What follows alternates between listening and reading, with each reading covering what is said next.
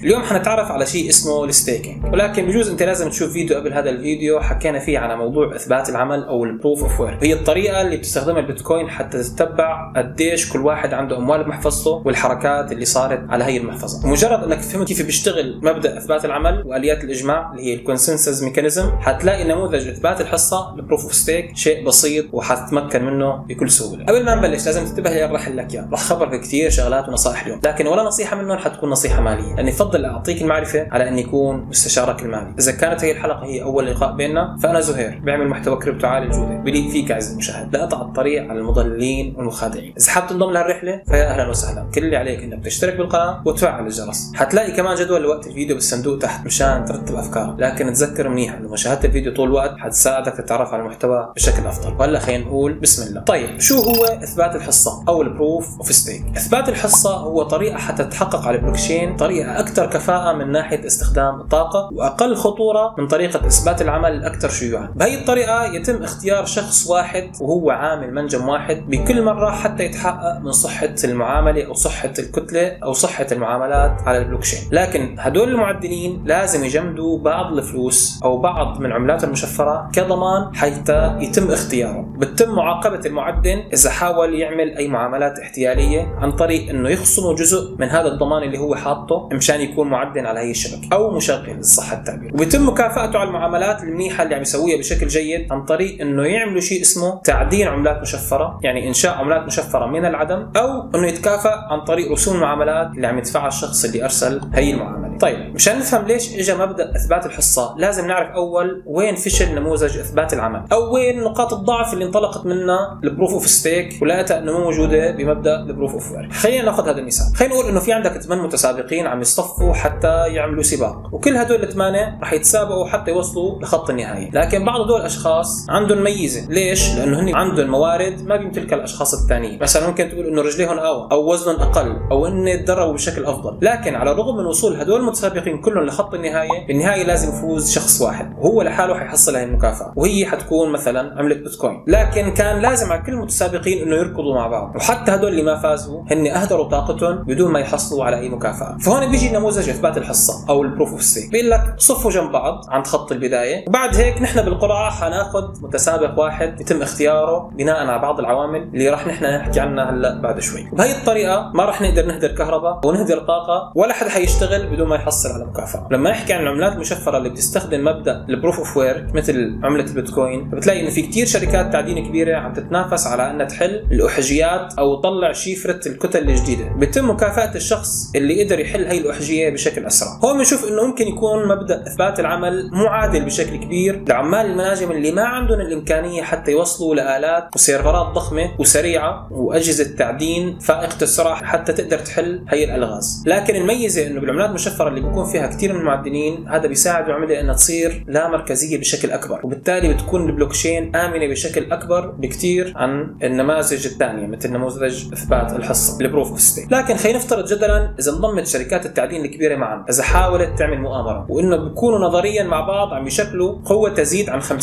من قوة الشبكة الحالية حتى يقدروا يعملوا معاملات وهمية ويضيفوها على البلوكشين. وإذا صوت الأغلبية إنه يصير هذا الشيء وقدروا يحصلوا على 51% من هي الأصوات فبيتم إضافة الكتل الجديده الوهمية هي. وعندها ممكن نقول إنه كل صناعة البيتكوين حتنهار. لكن خلينا نكون واقعيين شوي. شو السبب حيخلي هدول يتحدوا مع بعض على إنه هن ينهوا أنفسهم بإيديهم؟ وهذا مجرد افتراض نظري لكنه بالواقع ما بيتطبق. لأنه هي الشركات حطت عشرات الملايين إن لم يكن مليارات حتى تستثمر بالمناجم وتقدر تعدل على شبكة البيتكوين. فكيف هو بده يخرب كل الاستثمار تبعه مشان يثبت إنه هو قدر يتغلب على البيتكوين؟ هلأ مشان هيك طلع عنا مبدأ إثبات الحصة أو ال proof of stake عن طريق اختيار مدقق واحد لإثبات الملكية أو صحة العملية بعدين بيحصل على مكافأة بينما المدققين الثانيين الموجودين بيتحققوا من هي المعاملة اللي هو أثبت إنه هي صحيحة مرة ثانية. ممكن يكون موضوع هيك أكثر إنصاف بهي الطريقة إنه يتم توزيع العمل بدون ما حدا يحاول إنه يعتمد على حظه وقوة جهازه إنه يحصل على الحل. ومن المهم جدا إنه الشخص اللي وقع عليه الاختيار يضيف الكتلة بشكل صحيح وإلا حيتعين إنه يختاروا شخص ثاني ممكن يحل المعاملة ويضيف هي الكتلة بشكل صحيح. وهذا حياخذ كثير من الوقت. بعالم التشفير الوقت هو المال. مشان هيك حتى نحل نحل هي المشكلة فلازم نتأكد إنه هدول المشاركين بعمليات تصحيح المعاملات أو تدقيق المعاملات إنه لازم يجمدوا بعض عملاتهم بالبداية. وبعدين بيقدر المدققين الثانيين إنه يتحققوا مرة ثانية من شغلهم. وإذا كانوا في عندهم أخطاء فحيتم اقتطاع بعض من العملات المشفره اللي جمدوها ببداية العمل. وبنسمي عملية تجميد أو قفل هي العملات كضمان بال staking. مشان هيك باختصار حتى تشارك بنموذج إثبات الحصة ال proof of stake لازم يكون عندك بعض من هي العملة المشفرة وتقفل هذا المبلغ مشان ما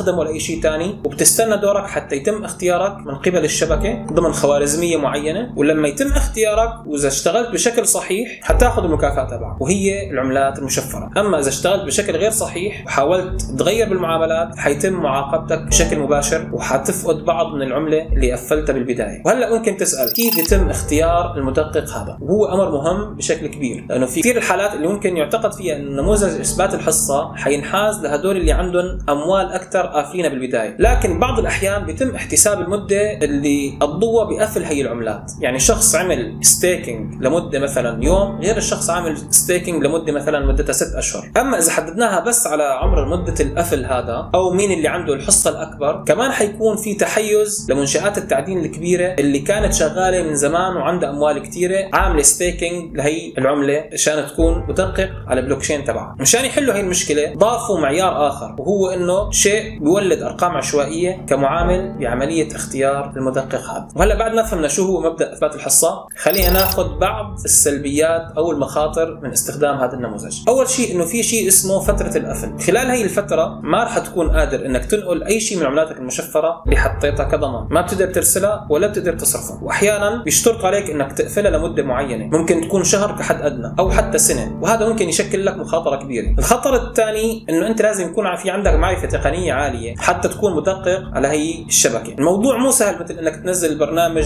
و click والبرنامج اشتغل. الموضوع اعقد من هيك. بيتطلب إنك تعمل server وتنزل عليه بعض البرامج وتتأكد إنه شبكت محفظتك عليه وإنه شغال بشكل سليم وصار في مشكلة مو مشكلة أي حدا غير مشكلتك إلا. ففي مخاطرة من الناحية الفنية. أما النقطة الثالثة هي عمولة التحقق. هلأ إذا أنت ما حبيت إنك تكون أنت مدقق بحد ذاتك أنت مالك مضطر لهذا الكلام. أنت بتقدر تعمل تفويض لشخص ثاني هو عامل ال server تبعه حتى يكون هو المدقق لكن أنت بتعمل شيء اسمه delegation أو تفويض. عنده هو معرفة وعنده المعدات اللازمة حتى يقدر يقوم بهذا الشغل بشكل صحيح. لكن عادة ما بيكون له عمولة هو ممكن يحطها بالبداية. ممكن هي العمولة تقلل من أرباحك. النقطة الرابعة إنه هي مدة المكافآت. وهي بيعتمد على الشبكة اللي أنت بتختارها حتى تعمل staking لعملتك أو تكون مدقق عليها. ممكن المكافأة تنصرف خلال دقائق واحيانا أسابيع. مشان هيك لازم من الضروري تعرف إمتى هي الشبكة بتدفع مكافآت ال staking بينضاف عنا مخاطرة أخرى اللي هو السلوك السيء. هلأ مبدأ إثبات الحصة أو ال proof of stake مبني إنه المدققين إنه يعملوا التحقق بشكل سريع. وإذا تم هذا التحقق بشكل سيء فممكن أنت تخسر بعض هذا الضمان اللي حطيته بالبداية. وهي الحالات ممكن تحدث في حال إنه تعطل ال server الخاص فيك. يعني مو مجرد إنك أنت يكون عندك سوء نية وبدك تزود معاملات وإنما شيء خارج عن إرادتك إنه ال server صار down فهي مشكلتك لك فإذا تم انتقائك واختيارك حتى أنت تتحقق من هي المعاملة وكان server ك فاصل أو صار له مشكلة فأنت ممكن تكون معرض لعقوبات تستنزف كثير من الضمانات اللي حطيتها بالبداية. كخلاصة للي حكيناه اليوم مبدأ ال proof of stake هو مبدأ جديد شغلته إنه يكون أسرع ورسومه أقل لكن ممكن يكون أقل امانا من ال proof of work ال proof of work هو آمن ممكن يكون أبطأ ممكن يكون غير صديق للبيئة. لكن إذا تغلبنا على هي المشكلتين إنه يكون صديق للبيئة فممكن أنت تضحي بعامل السرعة لأجل عامل الموثوقية واللامركزية الموجوده عند البيتكوين. هلأ صار وقت إني أعطيك بعض الأمثلة اللي بتشتغل عليها شبكات العملات المشفرة الأكثر شيوعا اللي بتستخدم مبدأ إثبات الحصة. أول وأهم مثال هو الكاردانو. والكاردانو تقريبا بيعطيك من حوالي 4 ل 5% سنويا كمكافآت على ال staking تبعك. في عندنا كمان شبكة تيزوس اللي تقريبا بتعطيك 6% في كمان شبكة البو coin تقريبا بتعطيك من 8 ل 10% سنويا. وأخيرا ممكن يوصل إيثيريوم 2.0 من 4 ل 7% وكختام مبدأ إثبات الحصة ممكن يكون عنده شوي فوائد أكثر من إثبات العمل لكن كمان عنده جوانبه السلبيه فممكن ما يقبلوا عمال المناجم اللي ما عندهم الأموال اللازمة من العملات المشفره حتى يشاركوا بال proof of stake نتمنى إنه هذا الفيديو يساعدك في إنك تفهم أكثر ماهيه إثبات الحصة؟ هي ال proof of ستيك هذا كل شيء اليوم. خليني أعرف رأيكم بالتعليقات. مثل ما عم شفتني اليوم على الفيديو بحب أقول لك إنه بتقدر تسمعني على البودكاست. إذا بتحب تضل على تماس مباشر بآخر وأهم الأخبار فلازم تشترك بقناة التليجرام لأنه كل يوم في نشرة أخبارية بأهم العناوين. اذا حاب تعرف تعليقي على بعض الأخبار فالتويتر هو مكان مناسب إنه نلتقي فيه. أخيرا إذا عجبك المحتوى خليني أعرف من خلال زر الإعجاب. ولا تنسى إنك تفعل الجرس لأنه لسه في كثير فيديوهات مثل هذا النوع على الطريق اشوفكم على خير في أمان الله والسلام عليكم.